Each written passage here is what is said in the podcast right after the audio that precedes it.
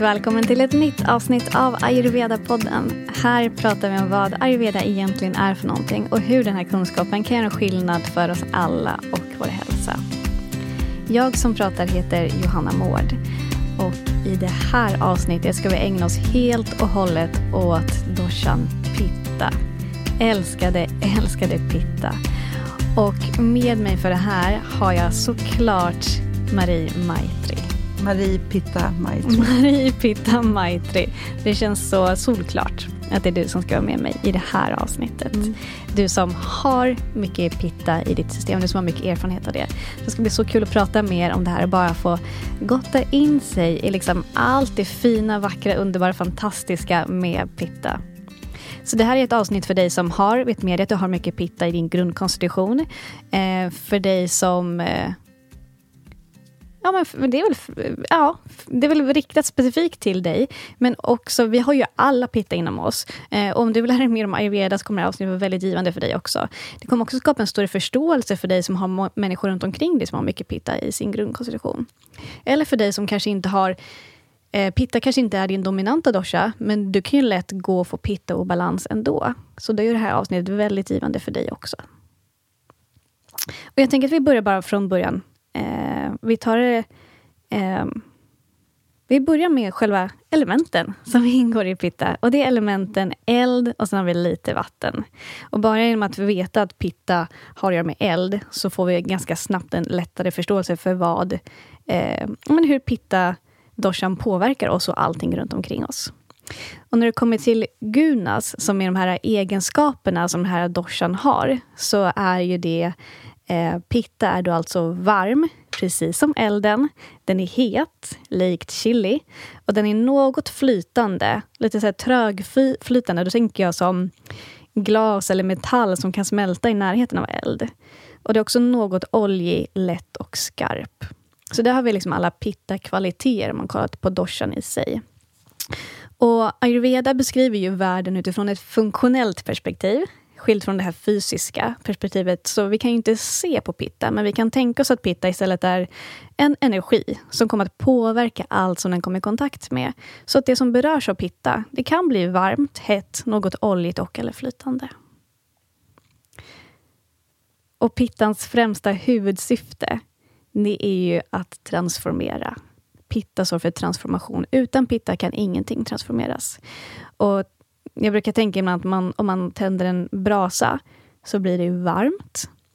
Och saker i dess närhet kan smälta och veden kommer till slut att transformeras till aska. Det är alltså pitta som står för den transformationen.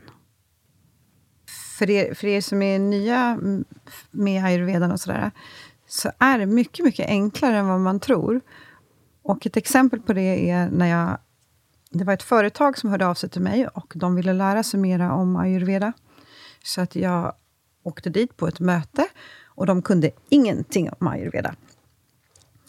Så då sa jag till den som jag satt och pratade med att om vi ser på de här olika elementen, luft, eter, jord, vatten, eld. Vad tror du att jag är? Och det tog tre sekunder. Och så men du, du är så eldig ju. och så enkelt kan det vara. Ja, det är inte så avancerat. Han hade känt mig i 20 minuter ja. och kunde säga att jag var eld. Mm. Oh, älskar det. Hur det är så praktiskt och enkelt ayurveda kan vara. Superbra exempel. Eller hur? Ja. ja. Jag tänkte att vi ska gå vidare lite på just eh, vår fysiska kropp. Um, för då är det så, vi alla har ju pitta, doshan, i oss. Eh, och vissa i mer eller mindre grad. Men för alla människor så är pitta mer centrerat i, mitt, i mitten av kroppen. Runt liksom magsäcken, tolvfingertarmen, tunntarmen och alla matsmältningsorgan och levern. Alla de har liksom mer pitta och gallan. Och gallan, bra. Eh, och, och, det ser jag också en väldigt logik i, för liksom den största transformationen som sker i vår fysiska kropp, det är ju matsmältningen. Så det är klart att vi har mycket pittenergi där, för allt som vi äter ska ju transformeras, för att vi ska kunna tillgodogöra oss den näringen som vi faktiskt får i oss. Och sen är det så, även huden och ögonen har också mer av pitta, pitta-energin. Så det här gäller för alla. Men det som är lite mer karaktäristiskt för de som har mer pitta, eh, det är att eh, vanligtvis har de ganska medelstor kroppsbyggnad. Inte jättelånga, inte jättekorta. Liksom inga, ganska liksom medel. Eh, de kan vara ganska lätt att bygga muskler. Eh, kan bli ganska muskulösa. Eh, ofta ganska ljus och känslig hy. Eh, kan vara något rödlätta. Men det kan vi också lättare att se här i eh, Europa och väst. Jag menar hur många indier det är som är rödlätta, men man, ibland så kan man... Människor som har naturligt riktigt rött hår kan ju vara så här väldigt eldiga personer också. Då är det som att elden liksom har... Den visar sig till och med genom, ja, men genom det fysiska eh, på det sättet. Eh, människor som har mer pitta har till naturen också väldigt eh, stark matsmältning. Det är de som de få som faktiskt kan tåla raw food, liksom kan, kan bearbeta eh, ja, men, eh, råkost helt enkelt. Och när det kommer till kroppsspråk, för någon som har mer pitta i sig, hur skulle du beskriva deras kroppsspråk, Marie? Målmedvetet, kanske lite framåtlutat. Vi pratar lite om obalansen, för det blir lite roligare då. För då blir det också lite bråttom och lite ryckigt kan det vara, men framförallt så är det på väg. liksom. Jag vet vart jag ska någonstans och sådär. Vad, tror, vad säger du om det kroppsspråket? Absolut. För mig pitta kroppsspråk är väldigt, det är väldigt rakt, det är väldigt tydligt. Liksom man pekar med hela handen. Och när man ska någonstans, då går man från A till B. Man tar den snabbaste vägen, man tar inga omvägar, man håller inte på att liksom snurra runt på vägen, utan man går. Och det, man, det, är tydligt. Det är väldigt tydligt vart man ska någonstans. Det är liksom den här målmedvetenheten. Och med, liksom med handgester och allting, det är, liksom, det är raka linjer. Det är Raka ja. linjer är bra beskrivet. Mm. Och Jag tänker också hur man pratar och hur man lyssnar. Det är så här, när man pratar, det, det kan vara ganska intensivt, eh, men också väldigt... Eh, det kan vara eftertänksamt. Liksom det man säger, det finns en, liksom det finns en tyngd i allt det man säger. Eh, det, man håller inte på bara snackar bara för att, utan man säger någonting för att man vill någonting. Och samma sak är en pitta-person som lyssnar. De är verkligen där. De tittar ganska, kan titta ganska intensivt på dig och de är där och lyssnar. Och, liksom, och samtidigt som de lyssnar kan de börja analysera det du säger för att sen komma med någonting smart eh, som, liksom, som svar på det du pratar om.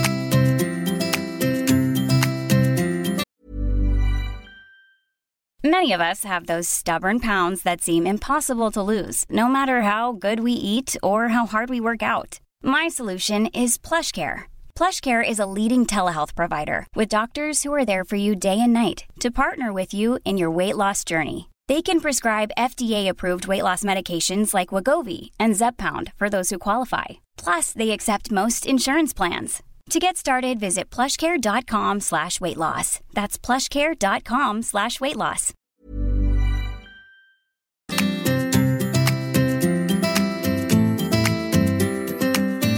Och om vi ska ta oss vidare till sinnet då, så det här gäller också för alla. Eh, så pitta-energin hjälper oss att då smälta och återigen transformera intryck av det som vi ser, hör, känner, luktar och smakar. Så hos alla människor så är det pitta som hjälper oss att transformera det vi upplever. Och det här är ju grunden till att vi faktiskt kan ta in ny kunskap och skapa nya minnen. Och när det kommer till våra sinnen så är det synen som är dominerad av pitta. Och man brukar ju säga det att människor som har mycket pitta i sitt system kan ha väldigt skarp blick. Det hör lite ihop det med målmedvetenheten. Man, liksom, man vet vart man ska någonstans. Eh, och på samma sätt brukar man säga att de som har mycket pitta, de har förmåga att se mönster och logiska sammanhang.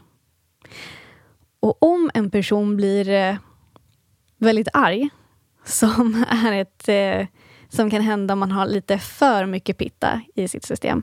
Eh, då finns det här engelska uttrycket I could see fire in his eyes. Och det kopplar jag direkt till pitta. Det är liksom inte I could see water in his eyes eller I could see fire in his vad vet jag, någonting annat, utan I could see fire in his eyes. Och det är ju liksom, ja, vi har mer eld i våra ögon. Hur upplever du, Marie, att ha mer pitta i kropp och sinne? Jag älskar det. Jag kan... Eh, för min del så är det från tanke till handling extremt kort bana. Alltså från att jag tänkt någonting till att jag gör det, så går det så fort. Fort är ett ord här som Pitta tycker om. och eh, också den här klarheten. du beskrev det bra, att det liksom, man kan se sammanhang och förstå saker väldigt fort med intellektet. Vilket gör också att man tappar tålamodet med människor som inte gör det.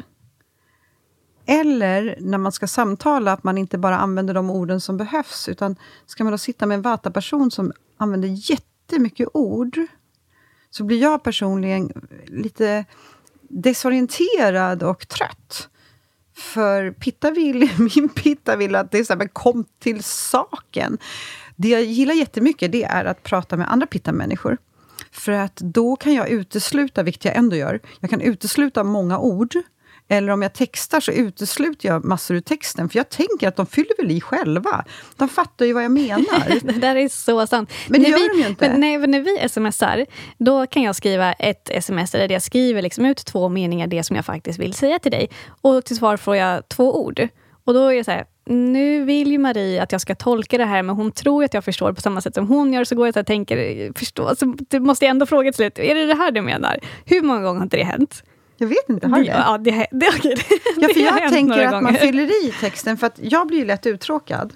Ja. Och jag vill inte tråka ut. Nej. Och, Exakt, så du gör ju det med goda intentioner. Ja. Det är absolut inte för att du vill försvåra. Utan Nej. du tänker så här, jag vill, jag vill att det ska gå fort. Du vill att det ska gå fort för dig och fort för andra, så du underlättar ju genom att vara kort. Och det här tror jag också kan vara en ganska vanlig missuppfattning. Att många som har pitta kan vara ganska korta i tonen och i text, och det är för att man vill underlätta. Men då kan andra ibland misstolka det som att man är otrevlig.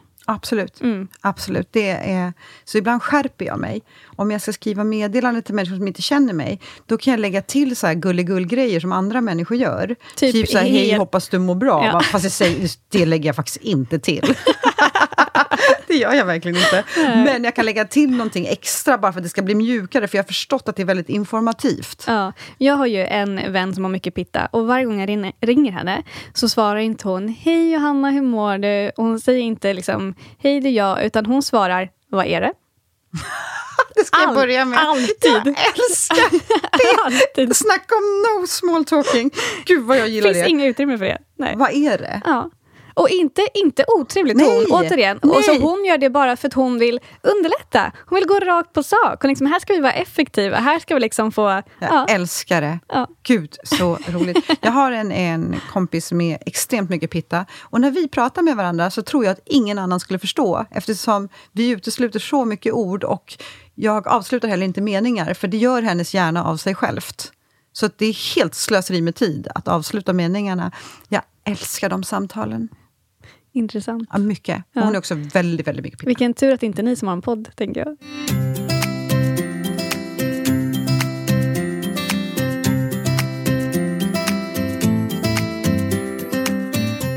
Ayurveda är ju också ett holistiskt och universellt system. Ayurveda handlar om läran om livet, så det är klart att pitta finns ju även runt omkring oss och påverkar saker i naturen, i vår atmosfär. Så jag vill också bara, när vi ändå har... Liksom, det, vi pratar om pitta i alla dess aspekter nu. Eh, så vill jag också bara säga det att eh, såklart årstider som är varmare har mer eld är också pitta-dominerande. Så det finns även årstider som har mer pitta. Och när det kommer till Sverige så är det såklart den svenska sommaren som har mer pitta. Eh, sen har vi också tider på dygnet som är mer influerade av pitta-energin. Och då har vi mellan 10 och 14 på förmiddag eller mitt på dagen. Och sen mellan 22 och 02. Och under de här tiderna så kan vi få en liten typ av energihöjning. Vi kan känna, eller inte vi, tar tiden mellan 10 och 14, liksom en liten energihöjning. Vi kan bli lite mer skarpsinta, lite mer effektiva, vi får mycket gjort. Och det är ganska högt tempo där mellan 10 och 14 mitt på dagen, eller hur? Och det är också då som vår agni är som starkast. För vi får hjälp av liksom pitta-energin att liksom få igång hela systemet. Liksom hettan ökar något, något. Ehm, elden, vår agni börjar brinna lite starkare och eh, förbereder sig för att transformera det vi stoppar i oss helt enkelt när vi äter en större lunch.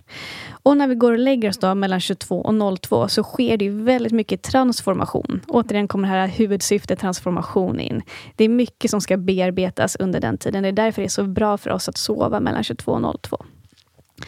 Och sen har vi också, om vi tittar på en människas liv, så kan man dela in eh, olika, alltså åldern eller livet i olika epoker. Och då är det just medelåldern som är mer influerad av pitta. Eh, och då kan man också tänka där att det händer ju väldigt mycket under den tiden. Många kanske träffar en partner, man kanske bildar familj eller man utvecklas inom karriären och man kanske flyttar en eller flera gånger för att man antingen för att man byter partner eller man byter jobb eller man skaffar fler barn och så vidare. Så det är mycket energi och mycket som händer runt, den här, runt medelåldern också. Så det var lite ett, eh, bara en utom oss, utanför oss perspektiv på hur pitta kan influera vårt liv när det kommer till just läran om livet. Och nu tänker jag att vi ska gå in på pittans alla tillgångar och styrkor. vad vill du lägga till där? Eller vad vill du börja med? När jag säger pitta och tillgångar och styrkor, vad kommer till dig då? Mm, klarheten, det här äh, förmågan att ha ett klart sinne, att se saker, att kunna använda intellektet på flera olika sätt. Också att få det man har tänkt gjort. Så målmedvetenheten. Och sen har du också den här äh, muskulära biten. Pitta-människor har ju oftast en större muskelmängd. Vilket gör att de har ett behov av att röra på sig på olika sätt. Och så ligger det då i Pittas natur att tävla och ta i väldigt mycket. Och det kan verkligen Pitta behöva, men det är inte riktigt det som balanserar Pittan. Så att eh, det här att få använda sig av sina muskler, är, det är typiskt Pitta-människor. Jag kom ut och började spela fotboll, typ, från liksom att jag föddes. Min kropp har alltid rört sig. Alltid, alltid. Det är inte som att nu ska jag gå och träna. Det är inte så kroppen rör på sig, den behöver göra det. Gud vad jag det, kan se det i många som har pitta. Ja, att det är så mycket fysisk exakt. aktivitet där. Och det är inte som att, där finns inget så här, åh, jag måste gå till gymmet. Utan det är liksom så här, man rör på sig varje dag. Exakt, det är inte det här jag behöver träna tre gånger i veckan. Min kropp går ut och så springer vi och så tränar vi på morgonen. För att det är det vi gör. Och så har det varit ja. hela mitt liv. Liksom. Så det har du väl som en av Pittas, tänker jag, förmågor, att vara stark. Mm. Att kunna använda sin muskulatur. Också eftersom matsmältningen är stark, så finns det också ett starkt immunförsvar. Och, eh, Pitta är en stark en. Elden mm. är stark på massa olika sätt, även psykiskt. Verkligen, mm. verkligen när man pratar om pitta och tillgångar, så just det här med målmedvetenhet. Man har en passion, en stark passion. Det är som en inre glöd. Man brukar prata om att det är de här det är eldsjälarna. Och allt liksom, det rimmar ju med pitta och eld. Eh, man kan också va, ha lätt för, snabba, eh, lätt för att fatta beslut snabbt. Och när man tagit beslut så står man för det. Liksom, att det här är ja, man är bra beslutsfattare. Kan också vara en naturlig ledare. Många lätt som ah, har mycket pitta att ta sig an en ledarroll och många har lätt att lägga förtroende hos de som har mycket pitta. Eh, man är effektiv, strukturerad, ordningsam. Eh, lite som jag sa tidigare, man har lätt för att se logik. Eh, man kan vara analytisk eh, och modig. Det också vara en pitta-egenskap. Jag tänker också generell inställning är lite här, hur svårt kan det vara? Det är väl bara att göra. Kan du känna igen dig i det? Ja, det var förut mitt middle name verkligen. Hur svårt kan det vara? Och också det här med mod. Jag har alltid gjort saker som att klättrat högt upp, eller jag vet att vi hade på ashramet så skulle vi måla om eh, husen. Och då hade vi en sån lyftkran som vi hade hyrt in, eller det är säkert ingen lyftkran, det är en kran, som man åker upp i ganska högt för att kunna nå liksom högst upp på husen. Och det var ingen som ville åka upp där, men självklart så ville jag det. Och då tyckte de andra att jag var modig. Men det är inte mod. Mod är någonting som man gör fastän att det är läskigt. Det är att vara modig. För mig var det helt så här, gud vad roligt att åka upp i en kran, det har jag aldrig gjort förut. Och de här kranarna som jag ska dra på har jag heller aldrig gjort förut. Så det du beskriver som mod här, eh, är ju inte vad jag upplever är mod. Mod är när jag gör någonting som är läskigt för mig. Det där, men det är väldigt få saker som är läskiga. Det kan nog mycket väl vara så att det just det här med tillskrivelsen av mod, att det kan vara liksom andras upplevelse av de som har mycket pitta. Hur är det för dig? För du har ju också ganska mycket pitta i dig. Upplever du mm. att du är modig i den bemärkelsen? Um, alltså det både ja och nej, skulle jag säga. Man kan ju vara det på så många olika sätt. Um, jag älskar att stå och föreläsa, gärna inför 100, 200, 300 personer. Det är modigt, upplever många. Men återigen, jag älskar det nu. Men det var modigt av mig tidigare, för jag tyckte det var skitläskigt för några år sedan, så jag har ju tränat mig till det. Så det var ju modigt när jag tränade. Mm, um, men annars, min egen upplevelse av eh, att ha tillgång till min pitta, är ju det att jag upplever att jag blir väldigt smart. Väldigt smart och liksom eh, ja, men smart och lätt för att se logiken, lätt för att tänka, klarsynt, eh, kan liksom se vägen från start till mål. Eh, lätt att genomföra. Mm. Älskar det med pitta. Det tycker jag är helt fantastiskt. Verkligen. Hur upplever du att du liksom tar tillvara på dina pitta-tillgångar? Idag så tycker jag att det går liksom kommer andra människor till gagn ganska mycket, när min pitta är i balans. För jag kan vara väldigt fokuserad och extremt närvarande. Så att jag kan rikta min eld. Och Det är också någonting som man praktiserar väldigt mycket i yogan, att rikta saker. Att fokusera, koncentrera. Och det här är verkligen ren pitta-energi. Och som du var inne på, när pitta-människor lyssnar, så är det ju väldigt mycket lyssnande.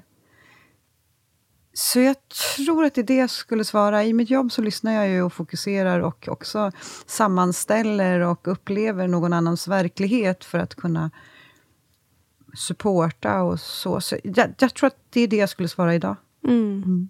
Fint. Och Sen är det ju så också att vi har ju alla har ju sin helt unika grundkonstitution. Eh, och man kan ha, pitta kan ju vara den dosha som är absolut mer dominant. Så kan det vara för vissa. Men det kanske allra vanligaste är att man har två doshor som är lite mer dominanta. Eh, och Då kan det vara antingen eh, pitta vata. Och om man har liksom, det pitta är mest dominant och vata ligger nära inpå, eller nära intill, eh, då är det ganska vanligt, om man ska generalisera lite, att man har, när man har passion och vilja men med lätthet. Om man har ett starkt självförtroende utan att vara alltför dominerande. Och man har den här styrkan och strukturen att leda sig själv och andra. För man har då lätt att samla och engagera andra i det också. Och man är snabb och kvick, men ändå så står man för sina beslut. Så det är inte det här fort och fel, utan man är snabb och kvick och det blir bra. Eller hur? Så så kan det se ut om man har pitta vata. Mm. Och om man har pitta kaffa, då har man också passion och driv, fast med mer uthållighet. Pitta vata var med mer lätthet. Så pitta kaffa, passion och driv med uthållighet. Och det är de här personerna som är absolut bäst på att tackla motgångar. Det är liksom svårt att rucka de här personerna. Och de har ju de är inte så känsliga för vad andra tycker eller tänker, utan kan liksom lätt gå sin egen väg. Och liksom bana väg för sig själv. Och väldigt duktiga på att leda sig själva framåt. Eh, och här kommer återigen mod in. Och styrkan att prova igen och igen och igen. Tills man verkligen lyckas med det man tar sig an. Och bara för lite kul så tänkte jag bara ge några exempel på pitta-dominerande yrken. Och jag, det här har jag kanske, kanske lite hittat på själv. Jag vet inte om jag har läst det här någonstans, men kanske har hört det, men jag tror att du kan resonera med det. Eh, så exempel på pitta-dominerade yrken, alltså yrken där människor som har mer pitta, de verkar dra sig till den typen av yrken. Så skulle jag säga att det kan vara projektledare, det kan vara mäklare, säljare, entreprenörer. Eh, och det kan också vara professionella tennisspelare eller professionella golfspelare. Och den röda tråden i alla de här yrkena är att det är individualister. Och de drivs av liksom prestation eller provision. Kan du se det också? Intressant. Mm, eller hur? Och sen har vi ju det här med våra styrkor, som är våra fantastiska tillgångar, som är så värdefulla för oss själva och andra i vår närhet när vi är i balans. Men sen kan det hända saker under livet, eh, under månaden, under dagen, som gör att våra styrkor går till en överdrift. Och det är det som blir våra svagheter. Det är en överdriven styrka som kan bli en svaghet, när vi liksom går in för mycket i den. Så exempel på eh, hur det kan se ut hos pitta-personer då, personer som har mer pitta, är att det här liksom... Eh, det kan bli... Man kan bli lite alltför tävlingsinriktad.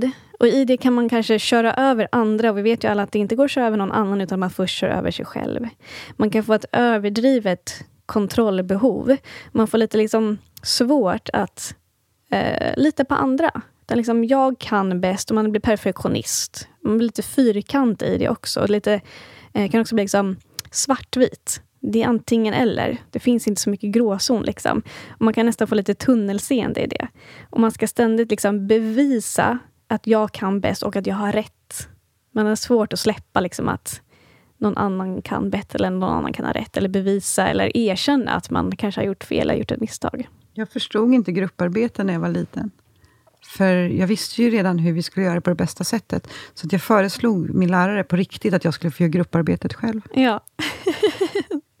Typiskt Pitta. Visst. jag kan verkligen se det. Men det kan också vara så där och då att man lite tappar förmågan till empati. Vilket man annars har. När man, liksom, när man mår bra med sin pitta och har tillgång till sina tillgångar, då har man ju liksom fin tillgång till empati. Men det kan man tappa lite när styrkorna går till en överdrift och blir svagheter istället. Eh, kort stubin, lätt att brinna av. Återigen kommer här metaforen för elden in. Eh, man blir lätt irriterad och frustrerad. Jag tänker, min tendens är att använda, använda intellektet hela tiden. Jag känner inte in så mycket, utan jag går via intellektet. Och eh, Det gör också att jag älskar att förkovra mig i forskning och vetenskap. Och jag märker verkligen hur platt jag blir när jag gör det för mycket. Så att, min, att balansera upp mitt pitta-element då, det är att göra saker som är abstrakta och fokusera på abstraktion. Till exempel tantriska meditationer där man fokuserar på abstrakta eh, ting, är det ju inte, men på abstraktion. Det skapar en balans för mig. Då blir min den här elden inte så riktad som en liksom, liten laserstråle kan den ju bli. Och det är ju fantastiskt när man behöver en laserstråle. Men mysticism och saker som jag inte förstår, det gör elden så mycket mer behaglig och skön. Och den kan man sitta så här, värma sig vid. Så, att, så balanserar jag upp min eld. Men om jag inte liksom hade koll, då hade jag ju bara suttit med forskningsrapporter hela månaderna och bara off, nu kan jag det här. Och så hade mitt ego byggts på, för då vet man ju, det var precis det du sa. Jag vet ju. Jag Just vet ju vad som är rätt. Jag Just vet ju vad som är sant. Ja, exakt, mm. exakt. Och när man hamnar vid liksom det här eh, andningsstyrkan har gått till en överdrift det blir svagheter, då, kan man ju få, då har man ju hamnat vid en pitta-obalans. Eh, och vad som menas med obalans är att man har fått för mycket pitta i sitt eget system i förhållande till, till ens egna unika grundkonstitution. Då. Så återigen, oavsett om pitta är din dominanta dosha, så kan vi alla få pitta-obalans. Och det får du om du får lite för mycket pitta i ditt system i förhållande till hur det ser ut för din unika grundkonstitution. Och andra exempel på liksom hur, hur de här obalanserna kan te sig fysiskt. Vanligt är halsbränna, magkatarr, magsår och diarré. Och tänk återigen, som mest pitta har vi ju centrerat i kroppen, runt magkanalen. Så det är inte heller så... Jag, jag ser en logik i det här också. Att just halsbränna, magkatarr, magsår, diarré är ett tecken på pitta-obalans. Sen har vi också huden, som har mycket pitta, som vi sa tidigare. Så all typ av hudutslag Eh, I princip all typ av hudutslag, eksem och så vidare är också tecken på pitta-obalans. Vi kan ha dålig andedräkt, eh, blödande tandkött och migrän. Andra exempel. Eh, överdrivna svettningar, också pitta, tecken på pitta-obalans. Och när det kommer till Mm, om vi går tillbaka till huden. Om huden på vissa ställen blir lite gulfärgad, eller om ögonen blir gulfärgade, tungan och naglar kan också bli något gulfärgade. Det är också indikation på att det är för mycket pitta i systemet. Så det är några exempel. Så Ayurveda fungerar så i praktiken att oavsett vilket symptom du får så kan du höra av dig till en ayurvedisk hälsorådgivare eller en ayurvedaläkare, eller läsa på lite själv och liksom identifiera, okay, de här symptomen, vilken dosha kan jag koppla ihop det med? Och då kan du väldigt lätt förstå vilken dosha det är som är ur balans hos dig. Och vad är det då som kan leda till just en pitta-obalans? För det här är också ganska unikt med ayurveda jämfört med liksom den västerländska synen på hälsa. När vi får symptom så går vi till ayurvedan alltid till frågan varför. Vad är det som har orsakat den här obalansen? För det är steg ett, att ta reda på det. Så vad skulle du säga? Vad är din erfarenhet? Vad är det som orsakar eller kan orsaka pitta-obalans hos dig? Just mig? Mm. Vi kan ta dig eller människor som har mycket ja, i din närhet. För, för generellt och för mig ja. så är det absolut värme. Eh, för mycket värme. Och då kan man se det på en yttre värme, som att det är för varmt i ett rum, eller det är för mycket sol, eller det är en inre värme. Så för mycket värme är verkligen obalanserande. Om man kollar på stress, så tror jag att stress skapar obalans hos alla dorsor, men uttrycket för en pitta är ju det här ryckiga kroppsspråket och frustration och irritation och snäsighet. Ni hör hur min röst förändras nu och det blir mycket fyrkantigare allting och sådär. Det tror jag är väldigt typiskt liksom, en pittastress, att man blir väldigt aggressiv och man anfaller och tycker att det är alla andras fel. Nu pratar jag det faktiskt om mig själv, men det är väldigt typiskt pitta. Så Pitta, eftersom Pitta är så målmedveten och kan gå fort och så, så här behöver man hitta den fina linjen att kunna röra sig mycket och göra mycket, men att inte uppleva stress i det. Mm. För det är, det är, inte långt borta, när man, när man tycker om att vara en doer och göra mm. saker fort och sådär. Verkligen. Värme, eh, stress, för hög eh, prestationsidé om att man ska göra saker rätt på det perfekta sättet. Ni hör ju hur, hur ocharmigt och osexigt det låter. Och det kan vara så obalanserande att tro att någonting ska göras perfekt. Och jag tänker så här, utifrån ett yogiskt perspektiv, så... Ja, jag, jag tävlar fortfarande. Jag har ju yogat i 30 år och jag tävlar fortfarande för att det bara liksom ligger i min natur. Men jag har lärt mig att när jag märker det, så kan jag sluta ögonen. För att när vi sluter ögonen så tar vi bort 80% av alla intryck. Och just för en pitta-person då, som är otroligt registrerande och kollar runt sig för att tävla, man kan ju tävla med sig själv i allra högsta grad, men jag har märkt att om jag sluter ögonen så förändras det draget hos mig så att jag kan fokusera på någonting annat än, gör jag det bättre eller gör. Mm, just det. Ja. Den tror jag är faktiskt väldigt, väldigt fin att ha med sig om man har mycket pitta känner att man ja, slut ögonen, mm, så verkligen. blir det inte så mycket intryck och du kan också rikta uppmärksamheten inåt istället. Mm. Och när vi riktar uppmärksamheten inåt, men nu gick jag ifrån frågan, fortsätt. Ja, vi kommer till det alldeles ja. strax, just vad det är som balanserar. Ja. Eh, men om jag ska hänga kvar då lite, vad det som kan skapa obalans, för det är viktigt att identifiera det också. För eh, om vi kommer, du var inne mycket på det med livsstil, just det, men med hög och konstant liksom press på sig själv och arbeta och göra annat under tidspress och ha höga krav på sig själv. Och också gå runt med undertryckt ilska kan också göra att liksom det börjar bubbla inombords. Liksom man börjar koka. Där vill jag bara lägga in att jag har tagit bort min galla. Och gallan är ju, hänger ihop med ilska och elden. Och under en lång tid av mitt liv så kunde inte jag kommunicera ilska, jag gick där och knöt handen. Och, så att gallan fick tas bort. Av den anledningen? Ja. Eller om du skulle fråga min läkare eller kirurg så skulle inte den säga att det var den anledningen. Men jag vet att det var det. Okej, okay, intressant. Ja. Mm, intressant. Um, jag, jag bara hoppar vidare på en gång till uh, um, kost som kan skapa pitta och balans. Och där har vi ju för mycket av smakerna starkt, salt och surt. Då blir det lätt pittobalans. Och jag tänker också liksom mycket friterat mat som är liksom väldigt upphettat. Och liksom mycket, det, är, det är oljigt och hett. Och liksom, eh, det är väl sällan hälsosamt med friterat egentligen. Eh, kaffe, för mycket kaffe. Eh, alkohol, för mycket av det. Liksom mat som har mer av det här rajas, som är liksom den här stimulerande och ja, men stimulerande liksom energin eller effekten. Det kan också skapa pittobalans. Mm, jag tänker också allt som har liksom aholic är också så typiskt någonting som kan leda till pittobalans. Mm. Alltså man är alcoholic, eller man är workaholic, eller man kan vara gymaholic. Liksom att man är, blir för mycket av det mesta.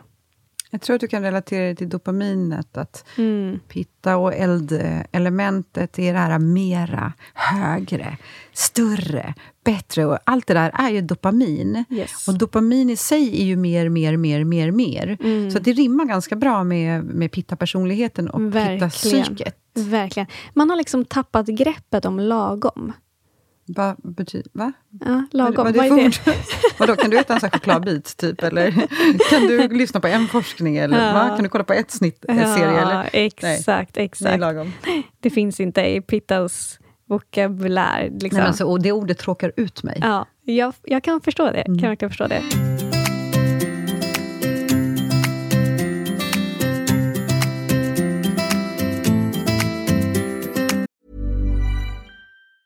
There's never been a faster or easier way to start your weight loss journey than with PlushCare.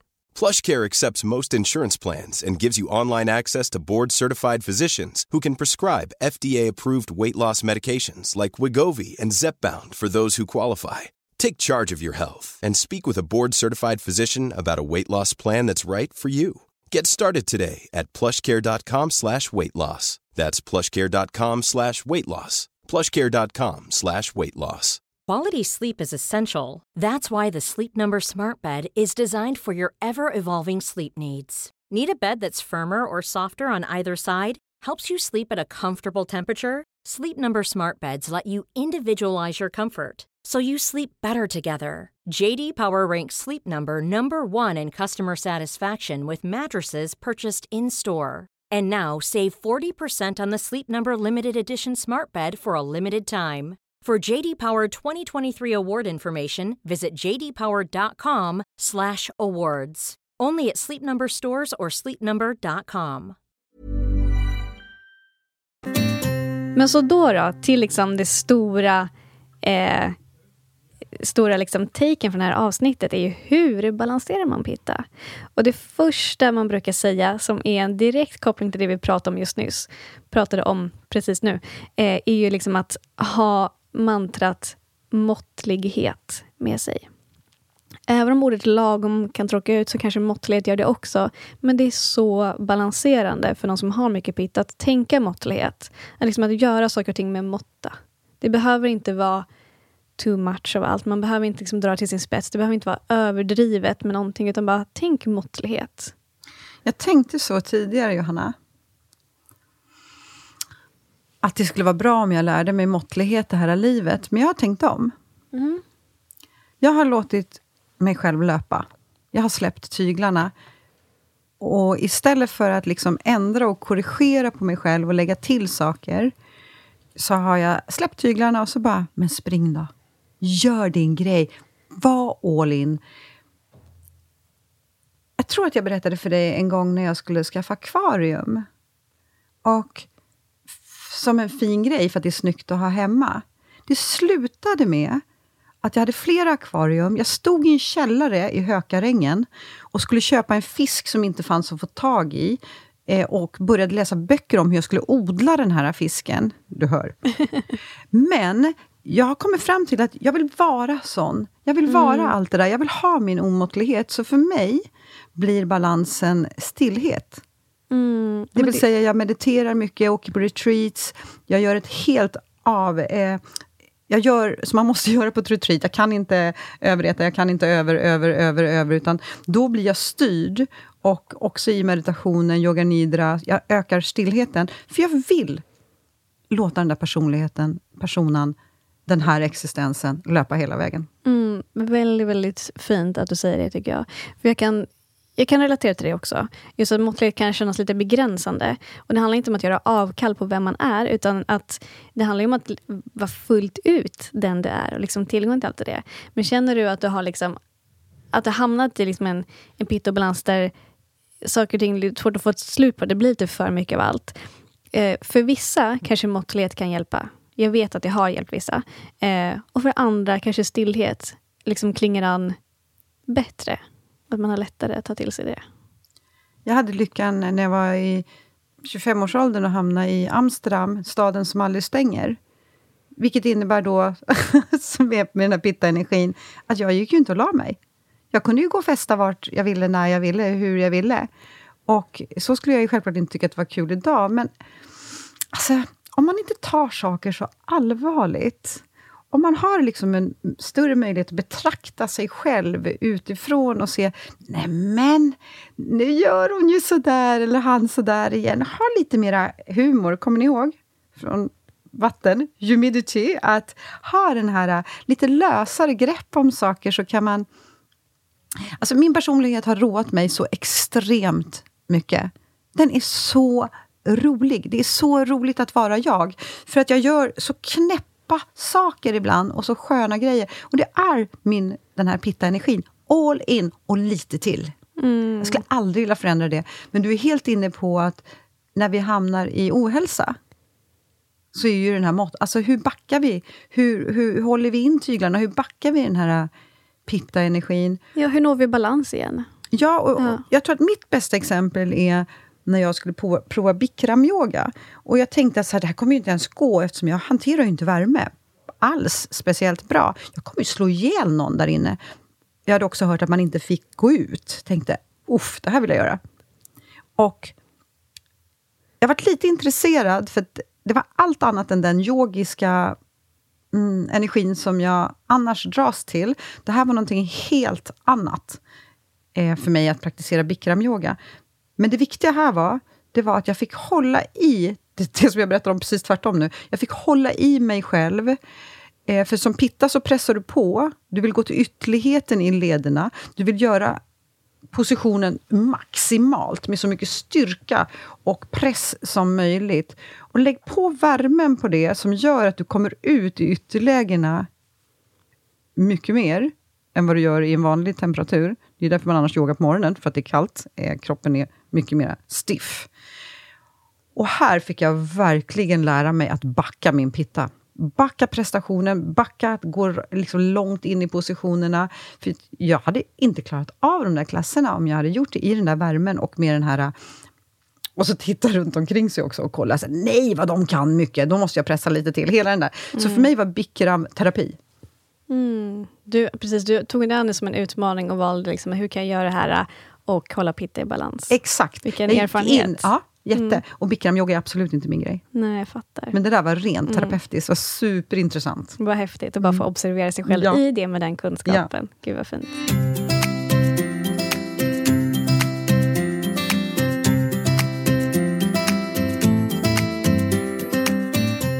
Och när det kommer till kosten, så för att skapa en pitta-balans eh, så handlar det om att äta mer av smakerna sött, kärvt och beskt. Och mer av liksom, eh, livsmedel som är svalkande och det är sattviska och prana. Och här kommer vi in liksom mycket, mycket mer färsk mat. Och för att bara ge några exempel så eh, kan vi ha in mer av ris och sötpotatis. Alla typer av bladgrönsaker är bra. Gurkmeja är en krydda som är väldigt eh, bra för att balansera pitta. För den innehåller också de smaker, eh, framförallt kärvt och beskt, som är pittabalanserande. Koriander är också bra. Kanske därför man äter så mycket koriander i Asien och Sydamerika, där man äter väldigt stark mat. Just för att det kan balansera hettan. Fänkål och kardemumma är andra exempel. Och så har vi just pepparmint. Och det, pepparmint är superbra för magen, för de som hamnat i en liksom pitta-obalans och fått magbesvär. Och pepparmintste kan också vara väldigt svalkande på sommaren. Så antingen att göra pepparmintste, eller göra pepparmintste och låta det svalna till rumstemperatur. Det är en väldigt svalkande och pittabalanserande eh, dryck. Då. Och så har vi såklart, vilket vi pratade om tidigare, kokosolja och ghee. Fantastiskt för pitta och balans. Och också det här med att, att äta i lugn och ro och sitt ner och sitt kvar en stund efter att ha ätit. Och när det kommer till själva livsstilen, så vi har varit inne på det en del, jag och Marie, men det handlar mycket om att liksom, lite få in lekfullheten, lite släppa prestationen. Liksom, allt behöver inte vara så allvarligt hela tiden. Eh, lite för, alltså, om bara för en stund, släpp målbilden. Och liksom att sagt, allt handlar inte om prestation. Och träna på att varva ner och låt dig vila. För det behöver du om du är i pitta och balans. Det kan också vara bra att eh, om du klarar av det, undvika i alla fall minska intaget av kaffe och samma sak med alkohol eftersom det annars triggar igång din pitta. Och här vill jag också komma in på det här med att eh, lita på att andra också kan. Och de här orden tack, hjälp och förlåt kan vara väldigt användbara när du vill balansera din pitta. Och när det kommer till yoga och träning generellt eh, så återigen lite träna, jag säger med måttlighet, liksom få in lite, lite mer stillhet i det. behöver inte liksom pusha till dess yttergräns. Eh, så vad säger du Marie, om liksom när det kommer till yoga, om man vill balansera sin pitta eller ta hand om sin pitta när man ska yoga eller träna fysiskt? Det där är så jätteintressant. Om, nu igen då så berättar jag ur mitt eget perspektiv. För att hur man praktiserar yoga säger en del om och elementen. Och när jag började tänka på det så märkte jag till exempel att jag gjorde övningarna före instruktionerna. Så att om yogaläraren berättade att nu ska vi göra det här, då började jag att göra övningen före instruktionen kom. För att jag visste ju redan. Och när jag började kolla på den attityden, jag vet ju redan, så kom jag på att hur mycket missar jag om jag hela tiden går omkring och tror att jag vet ju redan. Och det tänker jag är extremt mycket pitta, att vara på väg. Så att, att hitta den i min practice, att verkligen följa instruktioner när jag är på en klass. Fastän att jag vet vad som ska komma och hur det ska komma, så har jag lärt mig nu att hela tiden hålla tillbaka det där, jag vet ju redan. Och när jag undervisar själv så ser jag ju precis eh, de eleverna som eh, redan vet. De har redan börjat göra och så gör de gärna fort också. Och så är de klara, typ. Det är också så mycket pitta. Men jag har ju också olika yogalärarutbildningar. Från restorative, som jag gjorde i Indien, i värmen. Så i fyra dagar. Restorative innebär att man ligger mellan 7 och 14 minuter i varje position. Så att det är liksom, man har tagit yin-yoga en bit längre. Här finns ingen utmaning, utan allting är pampered. Alltså allting ska vara behagligt. Efter fyra dagar av att ha gjort restorative yoga i värmen höll jag på att flyga i luften. Tänkte, nu räcker det. För det första var jag så extremt kreativ och så ville jag inte ligga stilla en sekund till. Så där var det sånt overload på min pitta. Så går vi till gin, som är nästa variant på lugn och stillhet, som är helt fantastisk. Men där får du ändå vara lite mer så här, utmana dig själv i pittan, vara närvarande, fokuserad. Och sen så kommer vi till den klassiska yogan, hatta-yogan, som är min tradition, Satyananda-traditionen, där jag har hittat hem. Och så glider vi vidare lite till kundalini, som jag har praktiserat. Uff, vilken eld det startade mig. Ashtanga, inte en chans. Så utifrån att jag har provat olika typer av eh, yoga, så kan jag märka extremt mycket vad som höjer min eld och vad som balanserar den. Och kundalini och ashtanga är inte på kartan. Medan det passar andra doshor och balanser och obalanser perfekt. Så att när det kommer till yogan, så tycker jag att man ska prova sig fram och känna så här, vart jag lugnare och skönare, eller vart jag ännu mer uppeldad och på? Och jag säger ju inte vad som är rätt och fel för någon. Jag har ju en pitta-kompis här, alltså, jag älskar att höra henne försvara sin pitta. Hon bara, fast vi måste ju röra oss mycket och, och det, det är också pittan. Så Johanna, att prova sig fram. Men personligen så är det ju gin och stillhet där jag får vara extremt stilla och statisk. Men till exempel solhälsningen är ju en sån övning som jag kan använda mig av för att balansera, sätta fart på kaffa, låta pitta få eh, utrymme med att använda musklerna, andningen, eller att lugna ner den. Så att... Eh, svarade jag på frågan. Det, det, är så många olika typer av traditioner och olika sätt att använda yogan på. Du kan också ha en pitta-attityd när du går in och en pitta-balanserande attityd när du går in i en practice. Så att jag tänker att man ska prova sig fram, men jag hittade verkligen hem i Satyananda. Mm.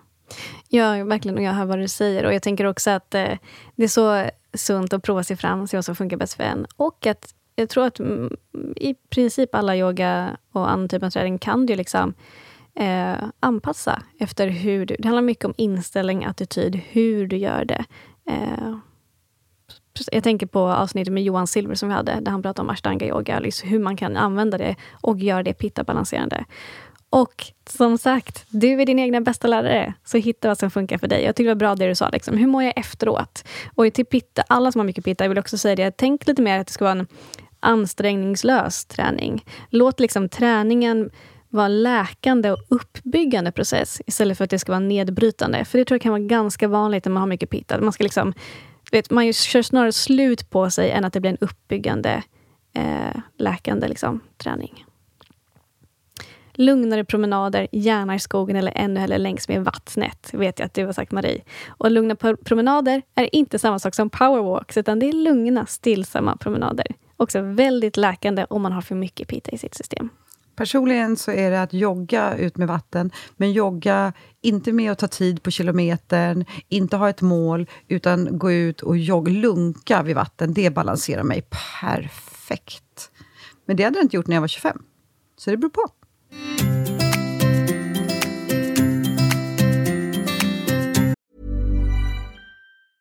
Planning for your next trip? Elevate your travel style with Quince. Quince has all the jet setting essentials you'll want for your next getaway, like European linen premium luggage options, buttery soft Italian leather bags, and so much more. And is all priced at 50 to 80% less than similar brands. Plus, Quince only works with factories that use safe and ethical manufacturing practices. Pack your bags with high-quality essentials you'll be wearing for vacations to come with Quince. Go to quince.com/pack for free shipping and 365-day returns.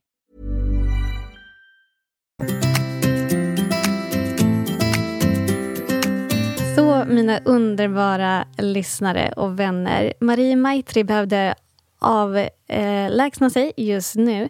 Så jag kommer avsluta det här eh, avsnittet om älskade Pitta själv. Och det gör jag så gärna tillsammans med er.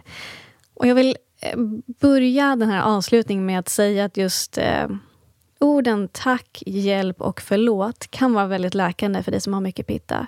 Just att liksom uppmärksamma det andra gör, att liksom rikta fokus till det som andra gör bra och liksom till vem och när och hur kan du säga tack oftare? Och till vem, när och hur kan du säga hjälp eller be om hjälp? Och Det handlar också mycket om att liksom lita på att andra också kan och att lägga tilliten hos andra. Och Det blir faktiskt bra när andra gör också. Även om de kanske inte gör det på exakt samma sätt som du gör, så kan det också bli bra. Och också det här ordet förlåt. För det händer, framförallt om man har mycket pitta i sig, att man ibland blir arg, irriterad, frustrerad. Eh, och här och där kan ett förlåt behövas. Så orden tack, hjälp och förlåt, ha med dem. Och använd dem. Och du vet själv bäst när du kan använda dem. Eh, när det gör bäst, helt enkelt. Jag vill också säga till dig att du duger som du är. Ditt egenvärde är inte likställt med din prestation och du är tillräcklig. Och Du behöver inte vara perfekt. Ditt hem behöver inte vara perfekt. Din relation behöver inte vara perfekt. Allt på jobbet behöver inte vara perfekt, för du kommer vara älskad ändå. Så lite att släppa på perfektionen kommer att ge dig så mycket mer värde i livet. Och återigen, bara prova och känna efter hur det känns. För tänk om det kan få dig att slappna av lite mer och bjuda in lite mer lekfullhet och lite mer lätthet i ditt liv. Det kanske skulle vara värt det. Och inom yoga och ayurveda så använder man ju också mycket pranayama, alltså andnings, andningsövningar. Och det är klart att det finns andningsövningar som är särskilt balanserande för pitta. Och där har vi bland annat nadi shodhana, som på svenska kallas för växelandning. Väldigt bra om man vill balansera pitta. Vi har en, andning som heter, en annan som heter shitali, som eh, fungerar som så att du liksom rullar ihop tungan så att du eh, kan dra in luft i, liksom, eh, genom tungan, kan man säga. Eh, och Det här gör att den luften du får i dig faktiskt är kylande, den får en kylande kvalitet och det är klart att det balanserar din pitta. Så Shitali pranayama, det kan du söka efter. Och sen har vi också Lions breath, som istället för Alltså Shitali hjälper dig att kyla systemet, medan Lion, Lions breath hjälper dig att göra av med liksom excessiv, alltså överskottet av hetta. Så de är väldigt bra för att balansera din pitta. Och när det kommer till dofter så vill jag också säga någonting om det. För som jag sagt många gånger här i podden så allting påverkar. Och det är klart att du kan ta hjälp av alla dina sinnen när du vill balansera din pitta. Och eh, dofter är någonting som påverkar oss väldigt mycket. Och inom ayurveda säger man då att dofterna sandelträ, mynta, jasmin och lavendel är särskilt pitta-balanserande. Så om du har pitta och balans eller om du bara har mycket pitta i dig så använd de här dofterna för det kommer ha väldigt eh, hälsofrämjande effekt på dig. Och återigen det här med att allting påverkar och våra sinnen. så Saker vi lyssnar på har ju också en stor effekt på oss. Så där har faktiskt eh, Marie Maitri hittat en spellista på Spotify som heter Pitta Balance Playlist. Och jag tror att jag kan länka till den spellistan i avsnittsbeskrivningen till det här avsnittet. Och jag lyssnade jättemycket på den spellistan i morse och um, den är så lugnande. Det är som, som om en porlande bäck kunde spela musik, så skulle det låta ungefär som den spellistan. Så känner du att du har mycket eld inom dig och behöver eh, ta hand om din eld, så sätt på den här spellistan i bakgrunden. Det är, det är väldigt härlig musik. Och Varför vi pratar om allt det här då, det är ju för att när man är i balans, det är då man faktiskt kan bli av med symptomen och få tillgång till de här styrkorna igen. Så det är klart att det är värt det att balansera sin pitta dosha. Så du kan alltså bli av med symptom på naturlig väg eh, när du tar hjälp av ayurveda. Och jag hoppas att det här avsnittet har gett dig mycket igenkänning eh, och eh, hoppas att det har bidragit till en, eh, ja, men en lätthet eh, till dig eh, kring liksom hela den här pitta prestationsinställningen. Eh, jag hoppas att eh, du har fått med dig mycket som ja, men kanske kan så hjälpa dig svara på frågor varför du ibland får vissa symptom och framför allt vad du kan göra eh, åt det för att hitta tillbaka till en, en bättre hälsa, ett mer balanserat tillstånd. Om du skulle ha några frågor om någonting som vi har pratat om så hör av dig. Vi finns här. Ehm, du kan alltid nå mig. Enklast är via Instagram där du hittar mig under namnet Ayurveda-podden. Jag hoppas att det här avsnittet har varit väldigt givande för dig. Och ta hand om dig så hörs vi snart igen. Namaste.